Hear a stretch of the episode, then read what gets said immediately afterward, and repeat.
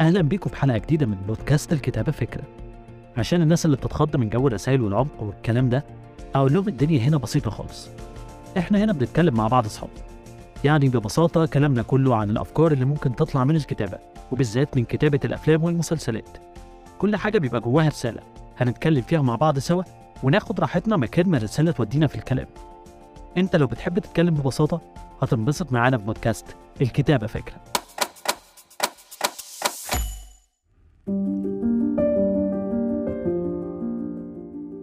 مساء الفل على كل الناس اللي بتحب تتكلم معايا في الأفلام. كنت في نقاش كده مع أكبر فان للبودكاست. حد بيحب الأفلام والرسائل اللي جواها واتكلمنا مع بعض إن في أفلام كتير قوي ما خدتش حقها خصوصا الأفلام الكوميدية. يمكن لأننا لما بنلاقي الفيلم كوميدي بنتعامل معاه على إنه للضحك وبس مع إنه ممكن يبقى جواه رسالة عميقة جدا.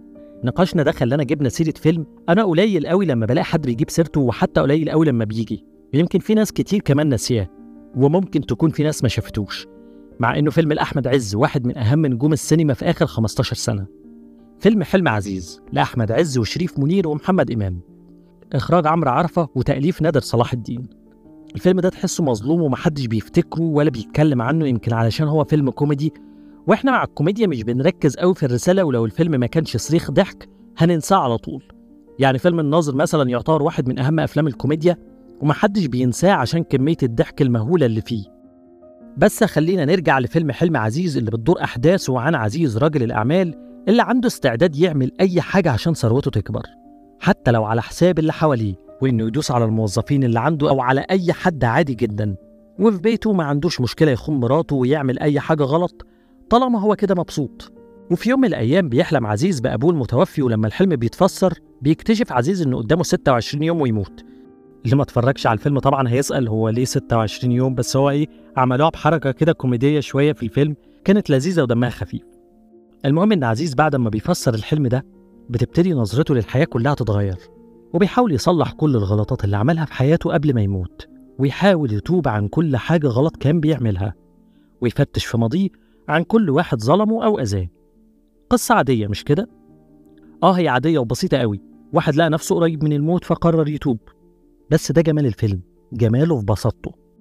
السيناريو يمكن دخل في منطقة جريئة شوية وهي فكرة الحساب في الآخرة وهندخل الجنة ولا النار والفكرة دي قليل لما حد بيدخل فيها أو بيتكلم فيها بس المؤلف كان ذكي إنه حط الفكرة دي بشكل حلم. يعني الموضوع بالنسبة لبطل الفيلم حلم مش بيتكلم عن إن إنسان ممكن يكون عارف هيموت إمتى أو إنه عارف هيدخل الجنة ولا لأ. لأنه حط ده في شكل حلم فبطل الفيلم فسره بالشكل ده. فلما تبص للموضوع تقول طب ما هو ممكن أي حد تاني يفسر الحلم بطريقة مختلفة. ودي كانت النقطة الذكية في السيناريو. لأنها حطت الموضوع في شكل حلم وبالتالي تفسيره هيختلف من شخص للتاني. فبالتالي هو هنا ما حطش نفسه في فكرة إن هو بيتكلم عن غيبيات أو أي حاجة. والفيلم مع إنه مش صريخ ضحك بس في مشاهد كتير هتضحك فيها. على الأقل يا سيدي هتبتسم. يمكن لأن السيناريو والممثلين ما ركزوش قوي في الكوميديا وما حاولوش إنهم يجبروك تضحك بالعافية. على قد ما كانوا عاوزين يوصلوا الرسالة بأبسط طريقة. طبعا فكرة إن أحداث الفيلم ابتدت بحلم وفكرة إن البطل فسر حلم استنتج منه هيموت إمتى مش واقعية. بس الرسالة اللي كانت بتتحط من ورا كل ده واقعية جدا وهي فكرة الثواب والعقاب وأفعالك هتوديك لفين. يعني لما هنبص على الفيلم هنلاقي طول الفيلم البطل ما عندوش مشكلة يعمل أي حاجة حرام وكان الشعار الأساسي بالنسبة له كواحد عايش في الحياة أنا راجل لعين يا أخي. بس بعد الحلم ده بقى بيخاف من أي حاجة. حتى لما تسبب في إن ناس عرفت طريق الحرام بسببه بقى بيحاول إنه يخليهم يتوبوا ويرجعوا عن الحرام ده علشان هو كمان ما يشيلش ذنبهم. العبقرية هنا إن السيناريو ده ممكن تمشيه على أي حد. لو في حد عرف هو هيموت إمتى هيحصل له إيه؟ هيبقى خايف من الميعاد ومرعوب. هيحاول يعمل قبلها كل حاجة صح ويكفر عن كل ذنوبه. وده اللي عمله بطل الفيلم بالظبط. رسالة السيناريو كانت ببساطة إن كل واحد محتاج يفتكر إن في وقت هيتحاسب على أفعاله. هو مش هيكون عارف الحساب ده إمتى وده لازم يخليه طول الوقت يفكر في اللي بيعمله. من رحمة ربنا إن محدش بيكون عارف الوقت اللي هيسيب فيه الدنيا. بس في نفس الوقت كل واحد بيبقى محتاج يفهم حاجة واحدة إن مفيش حاجة عملتها في الماضي هتروح.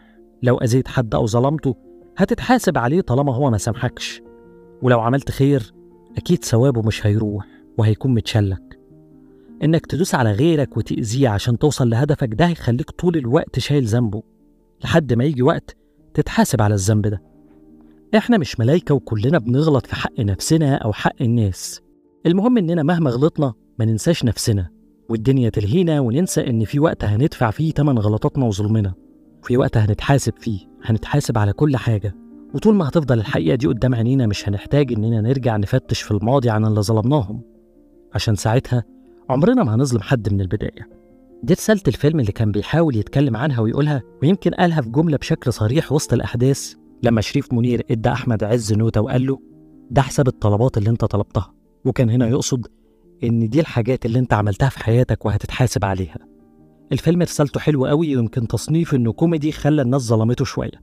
وزي ما قلت لكم هو مش صريخ ضحك بس اتفرجوا عليه هتنبسطوا بفيلم لذيذ ولو ركزتوا مع الرسالة بتاعته هتلاقوا فيلم ممتع جدا. خصوصا في مشهد كده قرب النهاية لما كل الناس اتجمعت في فيلا أحمد عز يمكن هتحسوا في الأول إنه مشهد عادي وكليشيه والكلام ده كله بس لما هتحطوا رسالة الفيلم مع المشهد هتحسوا إحساس مختلف جدا وحقيقي المشهد هيأثر فيكم دي كانت حلقتنا النهاردة مع فيلم حلم عزيز. شكر خاص للبيج فان كارمن السراج صديقتي اللي فكرتني بالفيلم وتناقشنا فيه وفي رسالته مع بعض وتعتبر هي اللي كتبت الحلقة دي معايا. وشكرا ليكم أنتوا كمان أحلى مستمعين ويا رب تبقى دايما أحلامكم جميلة. أتمنى تكون عجبتكم الحلقة من بودكاست الكتابة فكرة. تقديم وكتابة عادل أبو الفضل design و branding أحمد رأفت وحبيبة حجاب. تقدروا تسمعوني من Spotify Apple Podcast SoundCloud Podeo وأنغامي. شكرا ليكم على استماعكم واستنوني في حلقات تانية من البودكاست المفضل ليا عشان بكلمكم الكتابة فكرة.